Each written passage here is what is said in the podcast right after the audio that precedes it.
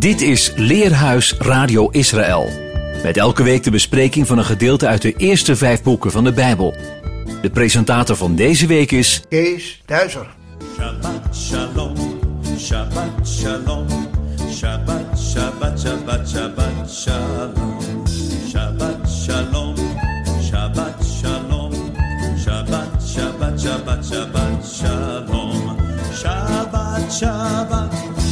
Shabbat shalom, Shabbat shalom, Shabbat shalom, Shabbat Shabbat Shabbat Shabbat shalom. Shalom luisteraars. Welkom bij deze nieuwe uitzending van Leerhuis Radio Israël. Deze Shabbat worden in de synagoge gelezen de parashot Matot en Massee. Twee parashot dus, wat een zegen. De parashat Matot vinden we in Bemidbar, oftewel nummer 30 vers 1 tot 32 vers 42. Er worden verordeningen gegeven met betrekking tot het handelen in zaken geloften die door een man of een vrouw of een meisje aan de eeuwige worden gedaan. Moshe krijgt de opdracht om voor zijn heengaan strijd te voeren tegen de Midjanieten en zo wraak te nemen op hen voor de grote verleiding tot ontucht en afgoderij, waartoe de Midjanitische vrouwen het volk op instigatie van Bilaam hadden verleid. Reuven en Gad verzoeken Moshe om hen toe te staan land te bezitten aan de oostzijde van de Jordaan. De parashat Massee begint in bemidbaar 33 vers 1 waar een overzicht wordt gegeven van de 42 rustplaatsen die Israël heeft aangedaan gedurende het 40-jarige verblijf in de woestijn. De grenzen van het beloofde land Canaan worden aangegeven en de stamhoofden die het land onder het volk moeten gaan verdelen worden aangewezen. Er komen verordeningen betreffende de vrijsteden, zowel in het land als aan de oostzijde van de Jordaan.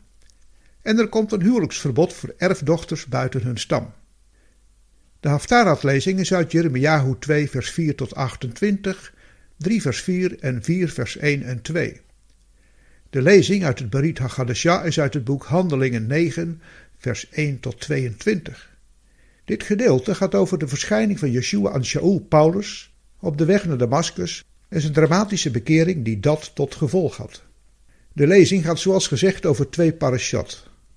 En dat is veel te veel om te bespreken. Vandaar dat we uit elke parasha een onderwerp zullen nemen om nader uit te werken. In deel 1 zullen we ingaan op de wens van Reuven en Gad om land te bezitten aan de oostzijde van de Jordaan. In deel 2 en 3 bespreken we de regeling van de vrijsteden en natuurlijk wat betekenen deze teksten voor ons gelovigen in Yeshua. We luisteren eerst naar muziek.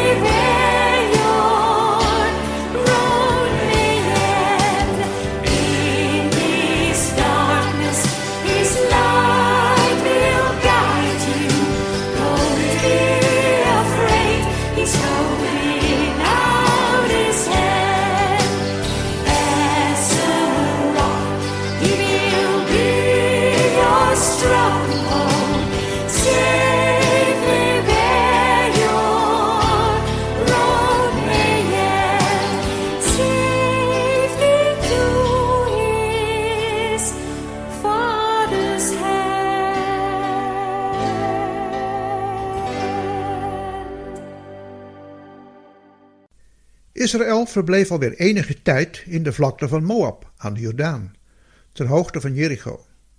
Daar waren ze aangekomen voordat koning Balak aan Bileam het verzoek deed het volk te vervloeken, bemidbaar 22 vers 1. In hoofdstuk 25 vers 1 lezen we dat Israël in Sittim verbleef. Maar uit de opsomming van hoofdstuk 33 vers 49 blijkt dat het om dezelfde vlakte van Moab gaat. Daar vond de grote verleiding tot ontucht plaats door de Midianitische vrouwen en de daaropvolgende uitroeiing van de Midianieten door Israël. Ook Bileam vond daar de dood. Volgens Rashi verbleef Bileam bij de Midianieten om zijn beloning te verkrijgen die hij wilde innen, omdat de verleiding van Israël tot ontucht door zijn plan tot stand was gekomen. En waardoor de 24.000 Israëlieten de dood hadden gevonden als straf voor het meedoen aan de ontucht. De nakomelingen van Reuven hadden veel vee. En de nakomelingen van Gad hadden geweldig veel vee. En het bezit van dat vee was eigenlijk hun grootste zorg. Het hield hen veel meer bezig dan de aanstaande intocht in het beloofde land, na veertig jaar woestijn. Ze hadden het land Jaezer en het land Gilead, de voormalige landen van de Amoritische koning Sigon en koning Og van Bashan, goed bekeken en ze vonden het een geschikte plaats voor hun vee. En zie, hier vond een merkwaardige verandering plaats in de houding van deze mannen. Niet langer was hun verlangen gefocust op het ingaan in het beloofde land, het land van overvloed, het land vloeiende van melk en honing dat de eeuwige hen had beloofd. Nee, ze vonden het wel goed zo. Ze geloofden het wel. Dat beloofde land was natuurlijk geweldig, maar hier was het voor hen ook goed toeven, veel ruimte en een goed land voor een grote hoeveelheid vee. Opvallend is dat in vers 1 Reuven voor Gad genoemd wordt, maar in vers 2 en de rest van het hoofdstuk wordt Gad steeds voor Reuven genoemd. Nachmanides, de kleinzoon van Rashi, schrijft hierover dat de nakomelingen van Gad het idee hadden gekregen om aan de oostzijde van de Jordaan te blijven. Zij waren de woordvoerders die bij Mosje het idee voorlegden. Ook waren zij, volgens Nachmanides, onverschrokken krijgers en superieur aan de Roeveninieten. En ze zagen er niet tegenop om zich te settelen op afstand van de grote meerderheid van het volk. Moshe was helemaal niet blij toen de Gadieten en de Reuvenieten hun voorstel bij hem kwamen uitleggen. Volgens Rashi en Nachmanides verdacht Moshe hen ervan dat ze angst hadden om het beloofde land in te gaan en strijd te moeten leveren tegen de inwoners van Canaan. Hij waarschuwde hen dat door hun plan het heel goed mogelijk was dat de andere stammen ontmoedigd zouden raken. Dat zij dan ook niet meer de Jordaan zouden willen oversteken om het land in bezit te nemen, zoals al eerder was gebeurd in de woestijn Paran. Daar hadden tien verkenners enorm negatieve verhalen opgehangen over het land Canaan, en daardoor hadden ze het volk zo ontmoedigd dat dit weigerde om verder te trekken en het land te veroveren. Het gevolg daarvan was dat het volk veertig jaar in de woestijn moest verblijven, totdat die gehele generatie omgekomen was. Moshe was bang dat door het plan van de Gadieten en de Reuvenieten hetzelfde zou gaan gebeuren en het volk nog eens veertig jaar in de woestijn zou moeten verblijven. Maar de Gadieten en de Reuvenieten komen met een voorstel. Ze willen aan deze zijde van de Jordaan schaapskooien bouwen voor hun vee en steden voor hun kinderen, maar ze willen zelf met de Israëlieten de Jordaan oversteken en zelfs voor hen uitgaan om strijd te leveren tegen de Kanaanieten. Ze zullen zelfs niet terugkeren voordat iedere Israëliet zijn erfelijk bezit heeft ontvangen. Moshe stemt uiteindelijk toe, als ze maar plechtig beloven dat ze zullen doen wat ze beloofd hebben. Toen zeiden de nakomelingen van Gad en de nakomelingen van Reuveen tegen Moshe: Uw dienaren zullen doen zoals mijn Heer gebiedt. Onze kleine kinderen, onze vrouwen, onze bezittingen en al ons vee zullen in de steden van Gilead blijven, maar uw dienaren zullen de Jordaan oversteken, ieder die toegerust is voor het aangezicht van de eeuwige voor de strijd, zoals mijn Heer besproken heeft. Inmiddels blijkt dat de halve stam Manasse zich eveneens bij de Gadieten en de Roevenieten heeft aangesloten om niet het beloofde land in te gaan. Wat is hier aan de hand? Zowel Reuveen als Manasse waren eerstgeborenen die hun eerste geboorterecht hadden verloren. Ze waren gepasseerd door Jehuda en Ephraim. Gad was de zoon van een slavin geweest. Was het daarom dat ze zich minder betrokken voelden bij het volk Israël, dat zij ervoor kozen om het beloofde land niet in te gaan? Hier zien we een merkwaardige tegenstelling. Enerzijds Mosje, hij had vurig gewenst om het land in te gaan en te beërven, maar hij mocht niet van de eeuwige. Anderzijds Reuven en Gad. Zij mochten wel ingaan en beërven, maar ze wilden niet. Was het daarom dat ze later een groot altaar gingen bouwen aan de westzijde van de Jordaan, waardoor er bijna een grote strijd ontstond tussen de Gatieten en de Reuvenieten, de halve stam van Manasse en de rest van Israël, die hen beschuldigden van trouwbreuk tegen de eeuwige omdat ze een vreemd altaar gingen bouwen? De Reuvenieten en de Gadieten hadden zich gehaast om te zeggen dat, dat daarvan geen sprake was. Het altaar hadden ze alleen maar gebouwd met de bedoeling om het als een monument, een getuige te laten zijn van de verbondenheid tussen hen en de rest van Israël. Maar de Reuvenieten tonen zich halfslachtig. Hun bezit heeft de voorrang. Alhoewel ze zo dicht bij het beloofde land zijn aangekomen, geven ze er de voorkeur aan om niet te erven. In 1 Timotheus 1 vers 19 geeft Shaul aan Timotheus de raad en behoud het geloof en een goed geweten. Sommigen hebben dit verworpen en hebben in het geloof schipbreuk geleden. Natuurlijk waren de Reuvenieten en de Gadieten niet wereldsgezind. Ze hadden immers dapper meegestreden in de strijd tegen Midjan. Maar door hun gerichtheid op hun bezittingen waren ze wel aardsgericht. Ze waren veel meer gericht op het bezit van hun vee dan op het erfdeel dat de eeuwige voor hen had weggelegd in het beloofde land. Nu waren de strijders, de soldaten, wel de Jordaan overgegaan om mee strijd te leveren, maar de gezinnen en de kinderen waren achtergebleven. Zij waren niet meegegaan en overgestoken. De verdere generaties van deze stammen waren niet ingegaan in het beloofde land en hadden daarvan niet geërfd. Ook waren zij helemaal niet betrokken geweest in de strijd om het bezit van het land. Dit is wat we soms ook zien als ouders tot geloof komen in Yeshua. Ze komen tot bekering, zijn enthousiast over het komende koninkrijk der hemelen en zetten zich in voor de gemeenschap. Maar ze vergeten hun kinderen daarbij te betrekken. De kinderen blijven achter en doen hun eigen ding. Ze geloven dan nog wel, maar ze worden aardsgericht. Ze zijn meer bezig met hun eigen bezit dan met de dingen van het koninkrijk. En zo groeit er een generatie op die steeds verder afkomt te staan van de gemeenschap en het geloof in Yeshua. Colossensen 3 vers 1 tot 4 leest Als u nu met Christus opgewekt bent, zoek dan de dingen die boven zijn waar Christus is, die aan de rechterhand van God zit. Bedenk de dingen die boven zijn en niet die op de aarde zijn. Want u bent gestorven en uw leven is met Christus verborgen in God. Wanneer Christus geopenbaard zal worden, die ons leven is, dan zult ook u met hem geopenbaard worden in heerlijkheid. Laten we dus steeds onze blik gericht houden op het komende koninkrijk en op de aanstaande komst van Adonai Yeshua HaMashiach, Melech HaOlam, de koning tot in eeuwigheid.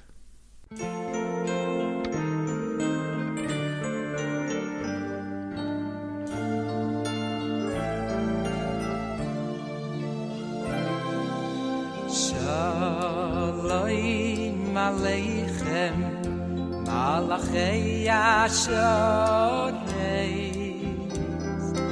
malachei el yoi mi mele malachei am lochim hakodosh baruch hu. Goyachem le shalom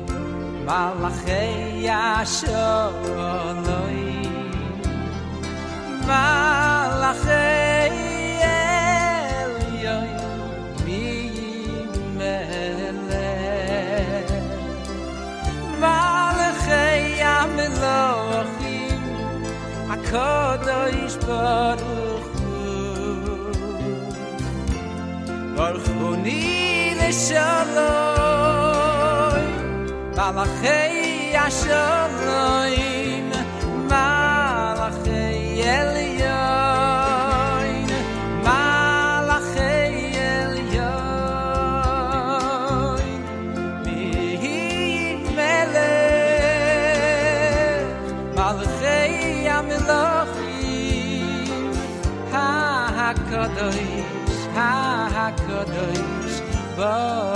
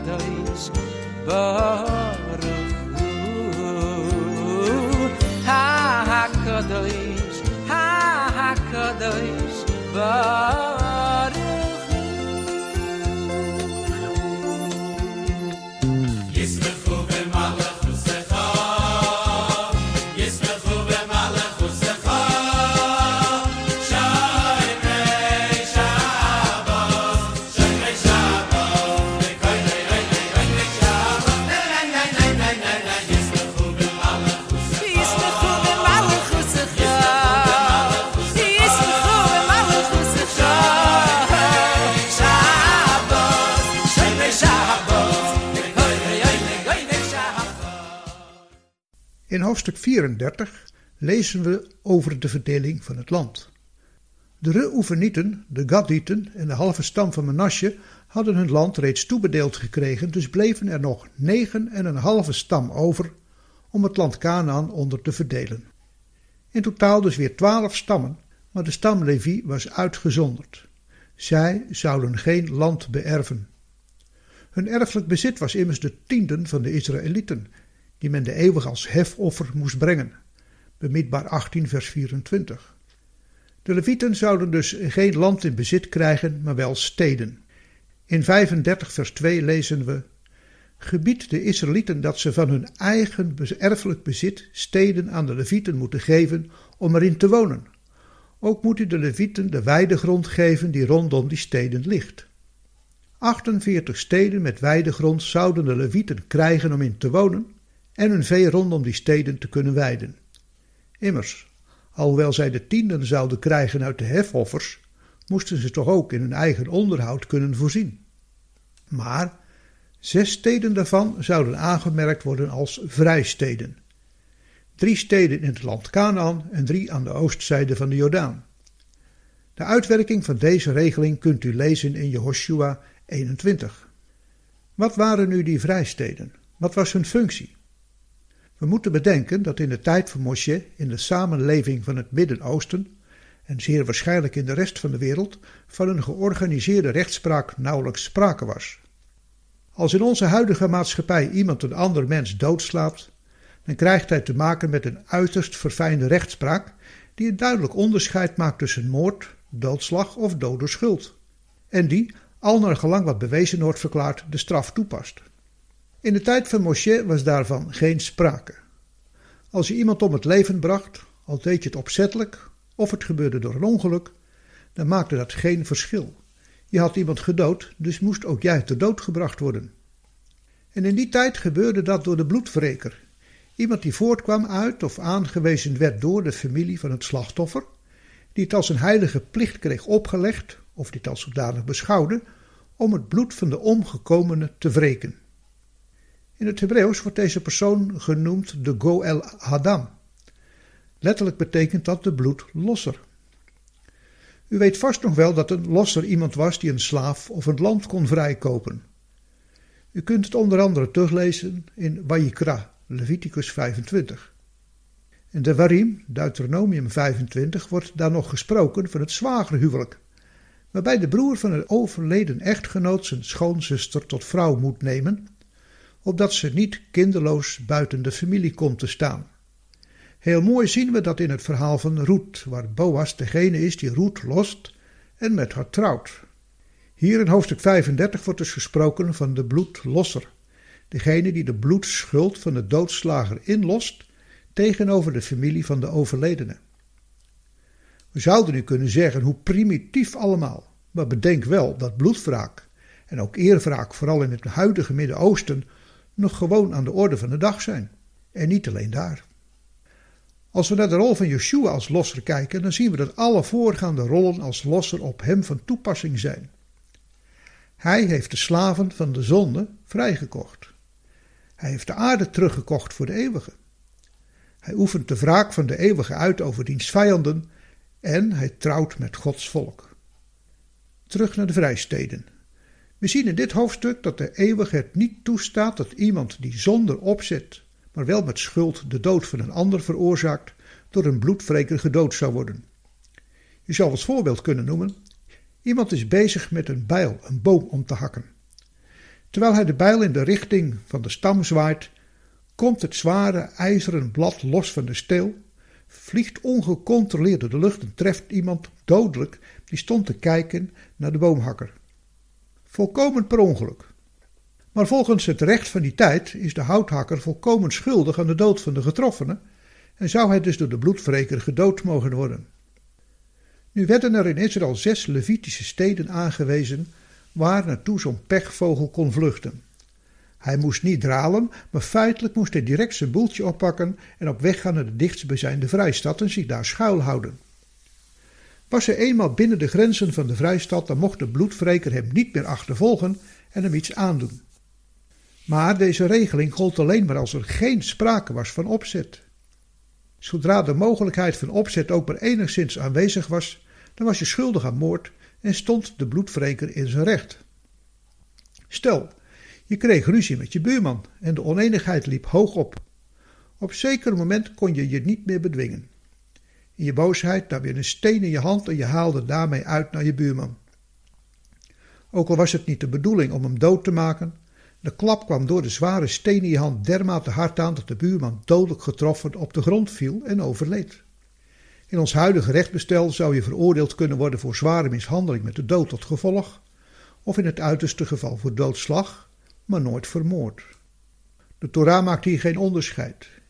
Je nam een steen in je hand en je had kunnen weten dat je, als je hiermee iemand een klap toe zou brengen, dat het wel eens dodelijk zou kunnen aflopen. Je nam dus willens en wetens het risico dat je daardoor iemand dodelijk zou kunnen verwonden. Dus ben je schuldig aan moord.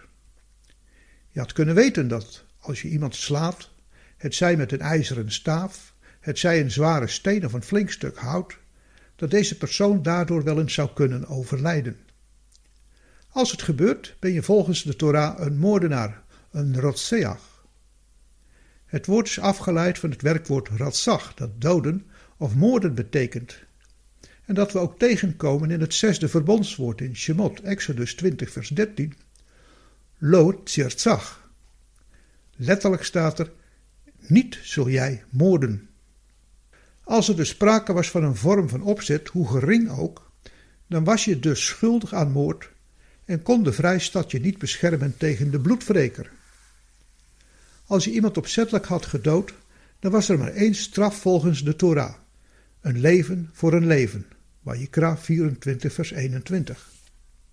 Als nu degene die iemand zonder opzet had gedood in de vrijstad was aangekomen, dan kon het gebeuren dat de bloedwreker voor de poort van de stad kwam en om de uitlevering vroeg van de doodslager. Het kon zijn dat de bloedwreker aanvoerde dat er wel degelijk opzet was geweest bij de man die de dood van de ander had veroorzaakt. In dat geval moest de gemeenschap, waartoe de man behoorde, beoordelen of degene die zich onder de bescherming van de vrijstad had gesteld, zich wel degelijk op de afwezigheid van opzet kon beroepen. Er moest dus onderzoek gedaan worden naar de feiten en omstandigheden waaronder het voorval had plaatsgevonden, zeer waarschijnlijk door het horen van de betrokkenen en eventuele getuigen. En dan moest de gemeenschap bepalen of de aangeklaagde mocht terugkeren naar de vrijstad. Er was geen enkele vorm van opzet vastgesteld, of de beklaagde werd toch schuldig bevonden aan moord, dan stond de bloedwreker in zijn recht en mocht hij de moordenaar doden om de bloedschuld in te lossen. In Joshua 20 komt de term bloedwreker nog enkele malen voor als de steden die als vrijstad moeten dienen worden aangewezen. Daarna komt de term bloedwreker in de gehele tenacht niet meer voor. We mogen aannemen dat in de loop van de geschiedenis de rechtspraak zich in Israël dermate had ontwikkeld dat het gebruik van de bloedwraak door een goed geordende rechtspraak was vervangen.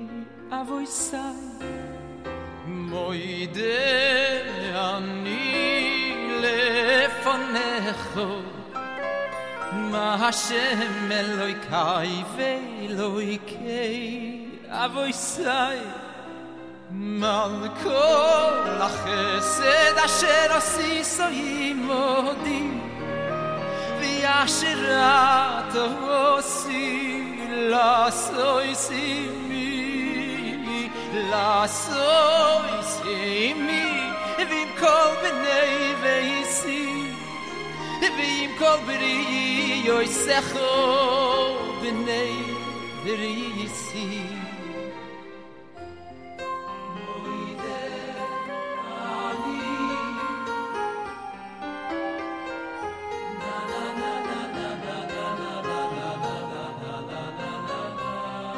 Noi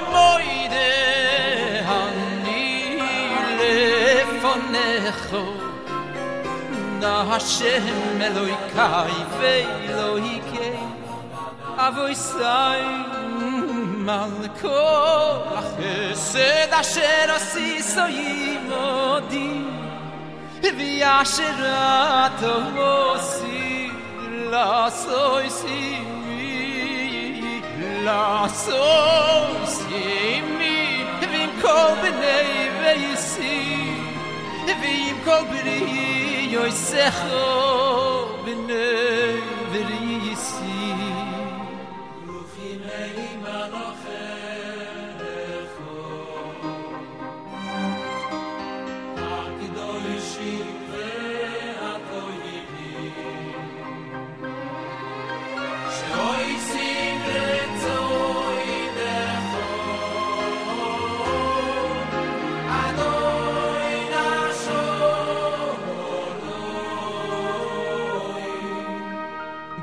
im heim maloch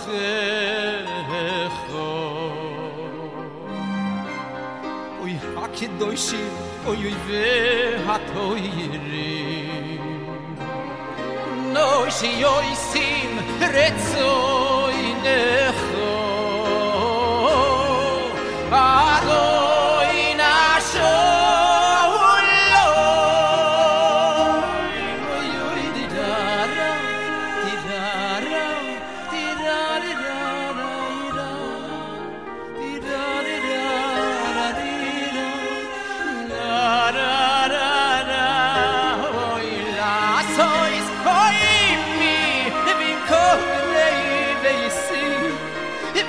kohri yoy secho bnei verisi moide ani le fone kho na hashem eloy kai ve eloy kai avoy sai la so sei mi krim kol Bnei ve si oy vi kodri yoy sekh sevine hey verir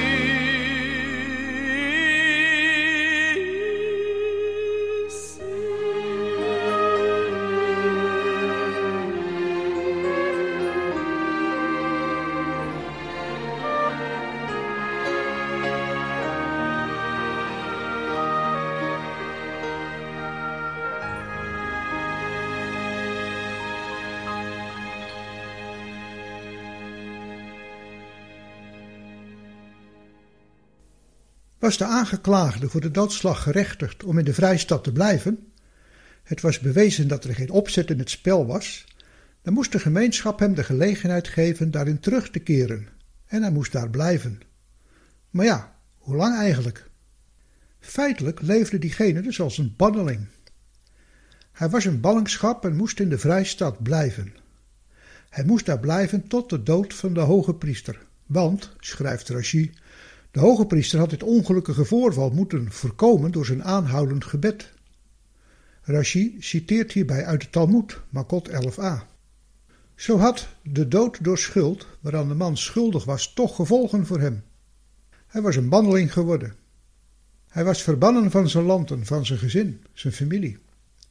Je kunt je voorstellen dat, als er juist een jonge hoge priester was aangesteld, de banneling nog een langdurige periode in de vrijstad voor de boeg had.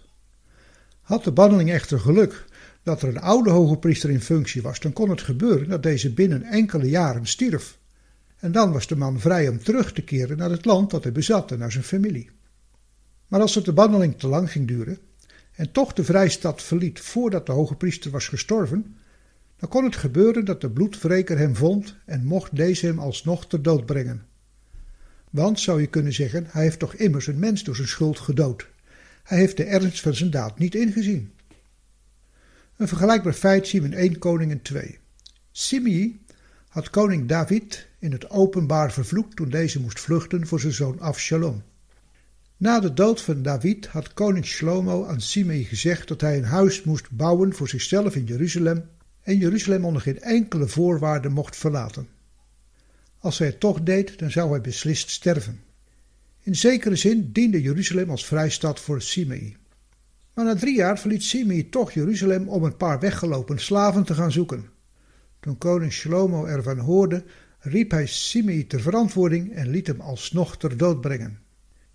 In vers 31 vinden we nog een belangrijke bepaling. Degene die een doodslag of moord begaan had, kon dit niet afkopen door een losgeld te betalen.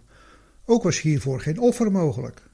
Zo iemand moest zeker te dood gebracht worden, want, leest vers 33, het bloed dat vergoten wordt ontheiligt het land.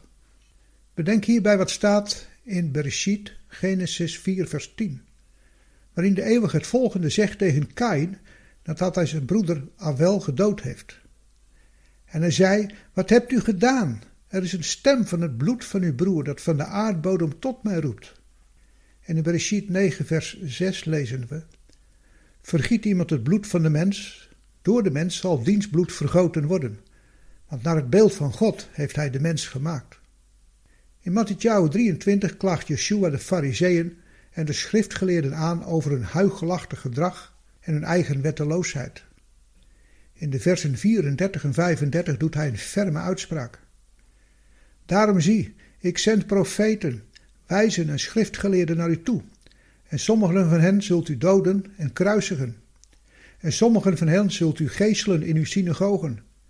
En u zult hen vervolgen van stad tot stad, opdat over u al het rechtvaardige bloed zal komen dat vergoten is op de aarde, vanaf het bloed van de rechtvaardige Abel tot het bloed van Zacharia, de zoon van Berechia, die u gedood hebt tussen de tempel en het altaar. Het is een hele zware uitspraak, maar het principe is heel duidelijk. Het land moet rein gehouden worden. Het doden en het bloedvergieten van een medemens verontreinigt het land. En hoe kon dit weer ongedaan gemaakt worden? We lezen in het bemiddbaar 35, vers 33. U mag het land waarin u woont niet ontheiligen, want het bloed ontheiligt het land. Voor het land kan geen verzoening gedaan worden over het bloed dat erin vergoten wordt, dan door het bloed van degene die dat vergoten heeft. De verontreiniging van het land door een moord, een doodslag, kon dus alleen maar ongedaan worden gemaakt door het bloed van de moordenaar, de doodslager. Zoals we ook kunnen lezen in de brief van de Hebreeën 9 vers 22. En bijna alles wordt volgens de wet door bloed gereinigd. En zonder het vergieten van bloed vindt er geen vergeving plaats. Het is daarom dat tijdens de kruisiging van Yeshua de volle toren van God op hem kwam. We kunnen ons daar geen enkele voorstelling van maken. Het gaat ons bevattingsvermogen geheel te boven. Maar de gehele schuld die de mensheid van alle eeuwen op zich droeg en zal dragen tot voleinding der wereld is daar op Gulgeret op hem gekomen. Zijn bloed moest worden vergoten omwille van alle kwaad en onrecht op de ganse aarde en omwille van alle onreinheid die dat met zich heeft gebracht. Gods gerechtigheid bracht met zich dat de gehele schuld door zijn offer aan het kruis, door zijn bloedstorting moest worden vergolden. Daar kon niets van worden afgedaan. Zonder dat zouden wij niet gereinigd kunnen worden, zou onze schuld niet voldaan kunnen worden. Dit is onze vrijstad. Als wij door ons geloof in Yeshua blijven, dan zijn we gevrijwaard van de bloedwreker. We mogen dan als leviet een dienst doen in zijn huis, zijn lichaam, zijn gemeente. Maar degene die Yeshua verwerpt, die niet in hem gelooft en niet wil horen van de genade die God door Yeshua HaMashiach wil geven, die staat er buiten. Hij zal zijn eigen ongerechtigheid moeten dragen. Het klinkt hard, maar het is net zo hard als de man die dacht: ik heb de vrijstad niet nodig. Ik ontloop die bloedwreker wel. Maar uiteindelijk wist de bloedwreker hem wel te vinden. Ik besluit met de volgende woorden uit Hebreeën 10, vers 14 tot 18. Want met één offer heeft hij hen die geheiligd worden tot in eeuwigheid volmaakt. En de Heilige Geest getuigt het ons ook. Want na eerst gezegd te hebben, dit is het verbond dat ik met hen na die dagen zal sluiten, zegt de Heere, ik zal mijn wetten in hun hart geven, en ik zal die in hun verstand schrijven, en aan hun zonden en hun wetteloze daden zal ik beslist niet meer denken. Waar er nu vergeving voor is, is er geen offer voor de zonde meer nodig. Ik wens u een heel prettig weekend toe. Shabbat shalom. U luisterde naar het programma Leerhuis Radio Israël. Een wekelijkse bespreking naar aanleiding van de Bijbelgedeelten die elke week door de Joodse gemeenschap wereldwijd worden gelezen. Heeft u vragen of opmerkingen? Of heeft de boodschap u aangesproken? Stuur gerust een mail naar info-apenstaatje radioisrael.nl Wilt u de tekst in het vervolg graag meelezen? Download dan het leesrooster op onze website. Ga naar radioisrael.nl en klik onder het kopje Programmaoverzicht op Leerhuis Radio Israël.